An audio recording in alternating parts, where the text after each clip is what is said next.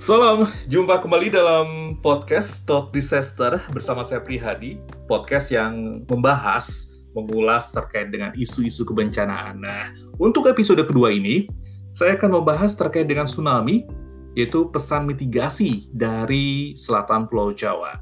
Belakangan ini, eh, potensi tsunami 20 meter di selatan Jawa dan gempa megatrust memang ramai dibicarakan di masyarakat ya. Hasil ini merupakan terkait dengan uh, penelitian uh, jurnal penelitian di Nature Scientific Report yang terbit 17 September 2020 ini dan menjadi viral serta ramai diperbincangkan di masyarakat. Oke, sebelumnya kita review dulu nih secara garis besar dari jurnal tersebut. Karena dalam riset tersebut, dalam riset di jurnal tersebut, disebutkan kalau di selatan Pulau Jawa berpotensi adanya gelombang tsunami setinggi 20 meter. Ini uh, jurnal kalau kita masih harus buka lagi, di uh, Nature Scientific Report di nature.com ini berjudul Megatrust Earthquake and Tsunamis from Seismic Gap South of Java, Indonesia. Jurnal ini, ini sendiri ditulis, uh, di riset atau diteliti oleh 11 peneliti ya, dari berbagai kampus dan institusi dalam dan luar negeri. Lebih jelasnya, coba cek-cek lagi di um, nature.com, di Nature Scientific Report, itu begitu banyak sih uh, jurnal-jurnal ilmiah tentu saja jurnal ilmiah. Jadi tidak hanya sekedar uh, jurnal terkait dengan hal ini. Jadi kalau misalnya kita mau menambah uh, pengetahuan terkait dengan berbagai macam hal, salah satunya ya dari hasil riset yang ada di Nature Scientific Report ini. Nah, kemudian kalau saya sendiri sebenarnya sudah baca ya, sudah baca dan uh, ya ya sedikit banyak paham, mencoba memahami sih sebenarnya dan kalau misalkan saya review atau setidaknya meng-highlight isi di dalamnya ya kurang lebihnya seperti ini nih. Uh, di dalam jurnal itu pokoknya di, di, dijelaskan ada potensi megatrust di selatan uh, Pulau Jawa yang uh, yang berpotensi menyebabkan tsunami setinggi 20 meter. Nah, munculnya angka 20 meter ini dihasilkan dari permodelan dengan skenario kasus terburuk. Nah, besarnya magnitudo gempa yang disampaikan tersebut sebenarnya adalah potensi skenario terburuk atau worst case, uh, bukan prediksi yang akan terjadi dalam waktu dekat. Ingat ya, bukan terjadi dalam waktu dekat, karena ini hanya sekedar potensi dalam skenario terburuk atau worst case.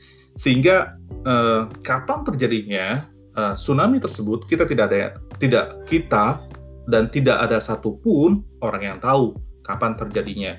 Ingat sekali lagi kalau ini adalah hanya uh, skenario terburuk ya dari uh, penelitian dan variabel-variabel yang di uh, yang dimasukkan dalam penelitian ke-11 peneliti itu. Jadi uh, angka 20 meter inilah yang kemudian menjadi hal yang menakutkan di masyarakat seperti bola liar, uh, mengkhawatirkan, uh, ancaman segala macam alih-alih sebenarnya kita mestinya harus menyiapkan atau menyikapinya dengan dengan mitigasi sekali lagi yang perlu kita pahami bahwa uh, hasil jurnal ini itu merupakan potensi skenario terburuk, worst case, bukan prediksi yang akan terjadi dalam waktu dekat. Dan hasil abstraknya sendiri pun juga uh, kemudian uh, menuliskan bahwa hasil ini mendukung seruan untuk uh, strengthened atau uh, penguatan kembali early warning system Inatius yang dimiliki oleh Indonesia, terutama di Pulau Jawa. Nah, uh, memang kita akan akan akan akan mendengar tentang megatrust, megatrust dan megatrust. Uh, apa itu sebenarnya gempa megatrust? Nah, gempa megatrust sendiri sebenarnya sering dipahami sebagai uh, sesuatu yang baru. Misleadingnya adalah pengertian salah pahamnya adalah gempa megatrust uh, itu segera akan terjadi dalam waktu dekat, kemudian berkekuatan sangat besar dan menimbulkan kerusakan dan tsunami yang dahsyat. Ini ya pengertian yang kebanyakan orang memahaminya sebagai sesuatu yang uh, akan terjadi dalam waktu dekat. Megatrust misleadingnya uh, pengertian di masyarakat kurang lebihnya seperti itu. Megatrust menjadi sesuatu yang uh, menyeramkan karena berkekuatan sangat besar dan menimbulkan kerusakan dan tsunami dahsyat. Padahal zona megatrust uh, sekedar istilah yang untuk menyebutkan sumber gempa tumbukan lempeng di kedalaman dangkal. Nah, di Indonesia sendiri zona sumber uh, gempa yang megatrust ini sudah ada sejak jutaan tahun lalu saat terbentuknya rangkaian busur kepulauan Indonesia. Jadi sekali lagi uh, megatrust itu bukan sesuatu atau hal yang segera akan terjadi dalam waktu dekat, bukan ya?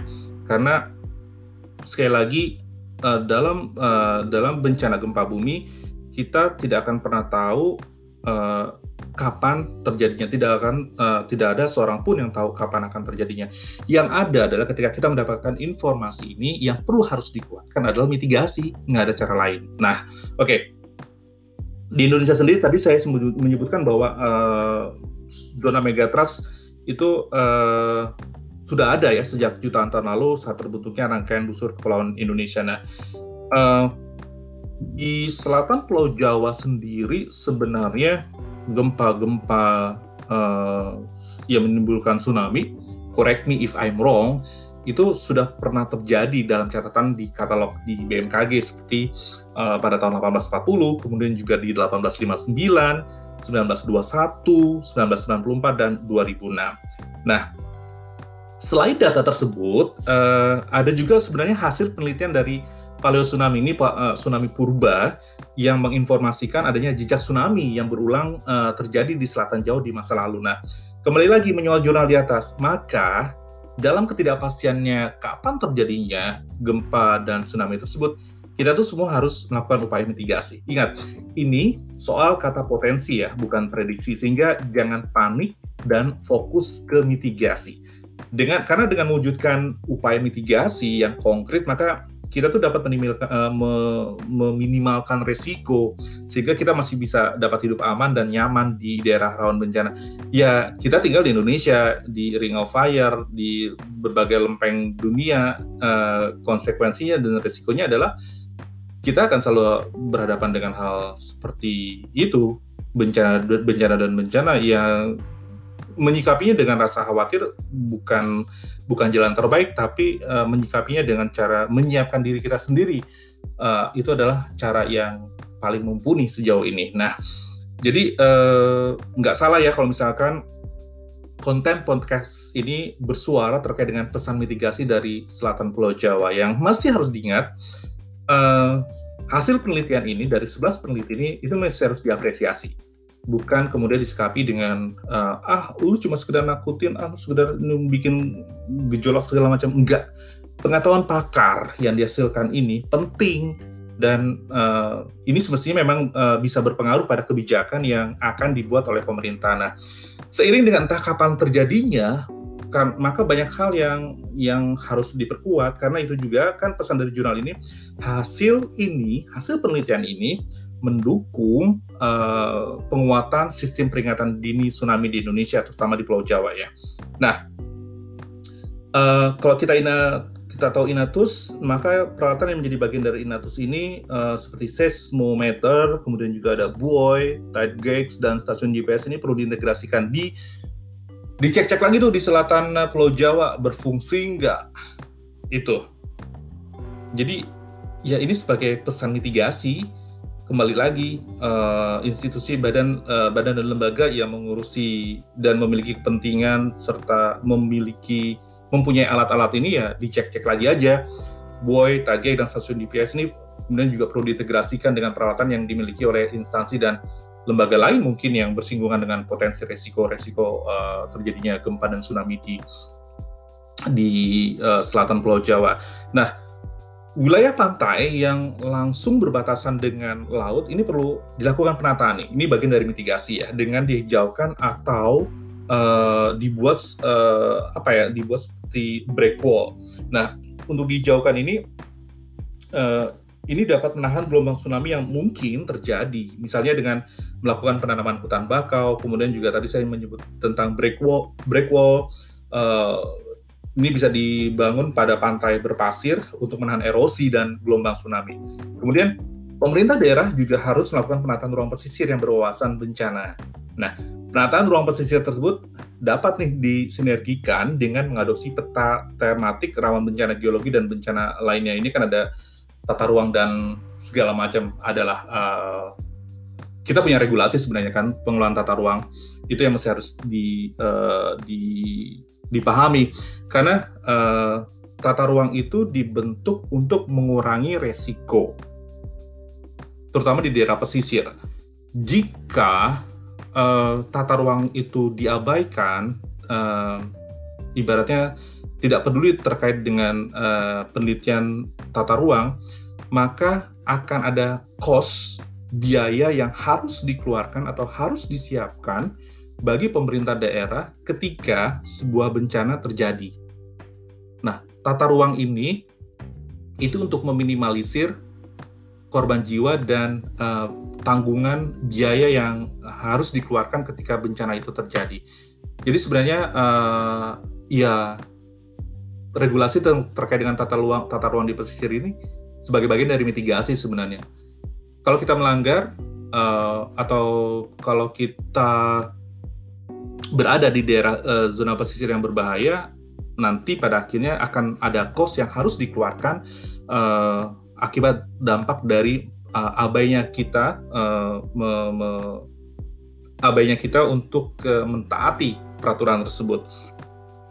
Kemudian uh, kedatangan tsunami juga kita nggak ada tahu, tidak tidak dapat dicegah ya. Uh, meskipun uh, belakangan kita pernah tahu ada istilah yang uh, uh, ketika gempa terjadi, tsunami terjadi, maka ada uh, interval waktu untuk bisa menyelamatkan diri. Nah, namun begitu uh, apa ya kedatangan tsunami sekali lagi sih sebenarnya tidak dapat dicegah ya. Namun uh, jiwa manusia itu sebenarnya bisa terselamatkan jika masyarakat bersiap siaga dengan menerima peringatan dini tepat pada waktunya dan memahami nih cara bertindak uh, dengan diberi edukasi dan sosialisasi soal tsunami karena ini penting dilakukan di zona rawan tsunami. Latihan rutin evakuasi untuk semua tingkatan perlu harus dilakukan karena evakuasi mandiri pada akhirnya adalah kunci untuk meminimalisir kehilangan nyawa. Sehingga perlu adanya usaha yang terus-menerus untuk meningkatkan pengetahuan masyarakat yang berhubungan dengan mitigasi tsunami. Sebab penelitian menunjukkan bahwa gempa dan tsunami itu adalah peristiwa yang berulang. Di daerah rawan gempa, bimbingan, kemudian petunjuk, pendidikan, dan kesiapsiagaan yang terus-menerus ini sangat penting jadinya. Kita tahu ada perka ya, uh, peraturan BNPB nomor 7 uh, tahun 2015 tentang rambu dan papan informasi bencana yang ini mestinya harus juga perlu dicemati nih dengan baik. Sebab perka ini perka ini uh, informasi petunjuk, kemudian peringatan dan larangan kepada masyarakat tentang risiko bencana di dalam kawasan rawan bencana. Maka dalam ketidakpastian kapan terjadinya gempa, kapan terjadinya tsunami, atau kapan terjadinya gempa yang menimbulkan tsunami, kita semua harus melakukan upaya mitigasi. Nah, menyinggung soal ketahanan masyarakat pesisir, kita perlu ingat bahwa eh, tahun 2019, kalau nggak salah, tahun 2019 itu Badan Nasional Penanggulangan Bencana itu melakukan ekspedisi Desa Tangguh Bencana atau Destana uh, tsunami di pesisir selatan Jawa itu dari timur sampai ke barat itu telah uh, menjangkau sekitar 512an desa di pesisir selatan Jawa. Nah, uh, dalam ekspedisi ini ada menurut catatan dari BNPB sendiri sebenarnya ada 42 ribu masyarakat ya yang sudah didatangi dan lebih dari 3.700 uh, orang perangkat desa yang telah diberikan pemahaman bencana. Hal ini setidaknya mereka masyarakat uh, telah mendapatkan pengetahuan soal mitigasi bencana. Nah, mereka yang telah mendapatkan mereka mereka yang telah mendapatkan soal informasi soal pengetahuan tentang mitigasi bencana ini bisa meneruskan ilmu kepada uh, yang lainnya. Jadi uh, apa pun bencana itu balik lagi ke peran serta masyarakat. Ada mitigasi teknis, non teknis, uh, birokrasi dan juga uh, mitigasi yang benar-benar menyentuh ke masyarakat. Karena masyarakat sendiri adalah yang pertama kali menghadapi uh, bencana. Karena mereka berada di lokasi di lokasi uh, rawan bencana. Dalam hal ini uh, di pesisir selatan Pulau Jawa. Sekali lagi uh, apa pun hasil dari 11 peneliti dalam Implication for Megatrust, Earthquake, and Tsunami from Seismic Gap Source of Java Indonesia ini, alih-alih kita, uh, maksudnya daripada kita selalu ber, uh, berpolemik, membuat narasi yang justru tidak uh, bermanfaat, baiknya justru kita mestinya sejak dini, sejak saat ini, kita uh, belajar untuk kembali uh, melakukan mitigasi. Paling tidak ketika kita tidak uh, di usia kita atau di hidup kita tidak tidak terjadi tsunami yang uh, potensi tsunami itu paling tidak bekal-bekal mitigasi itu bisa uh, diteruskan ke penerus-penerus terutama mereka-mereka yang masyarakat yang ada di pesisir pulau uh, selatan Pulau Jawa untuk bisa uh, berlatih, berlatih dan memahami gejala alam dan lain-lainnya. Ini kita masih masih berada dalam uh, kondisi yang kondisi yang harus bisa uh, meng, menyikapi soal potensi uh, tsunami 20 meter ini sebagai bagian dari uh, upaya kita atau menyikapi kita sebagai ini adalah pesan mitigasi yang harus disikapi benar-benar dan masyarakat harus dibekali uh, per, uh, penguatan alat-alat uh, early warning system juga harus diperkuat dan uh, semoga saja lagi-lagi pengetahuan dan hasil penelitian dari para peneliti ini bisa menjadi rujukan bagi para bagi pembuat kebijakan untuk bisa membuat kebijakan-kebijakan baru yang uh, meminimalisir korban masyarakat. Itu aja untuk konten di episode 2 uh, eh, tsunami pesan mitigasi dari selatan Pulau Jawa. Terima kasih telah menyimak. Feel free untuk saling berdiskusi. Uh, itu saja. Saya Prihadi Adi. Sampai jumpa dan kita akan kembali dalam uh, bahasan di Talk Disaster di episode selanjutnya.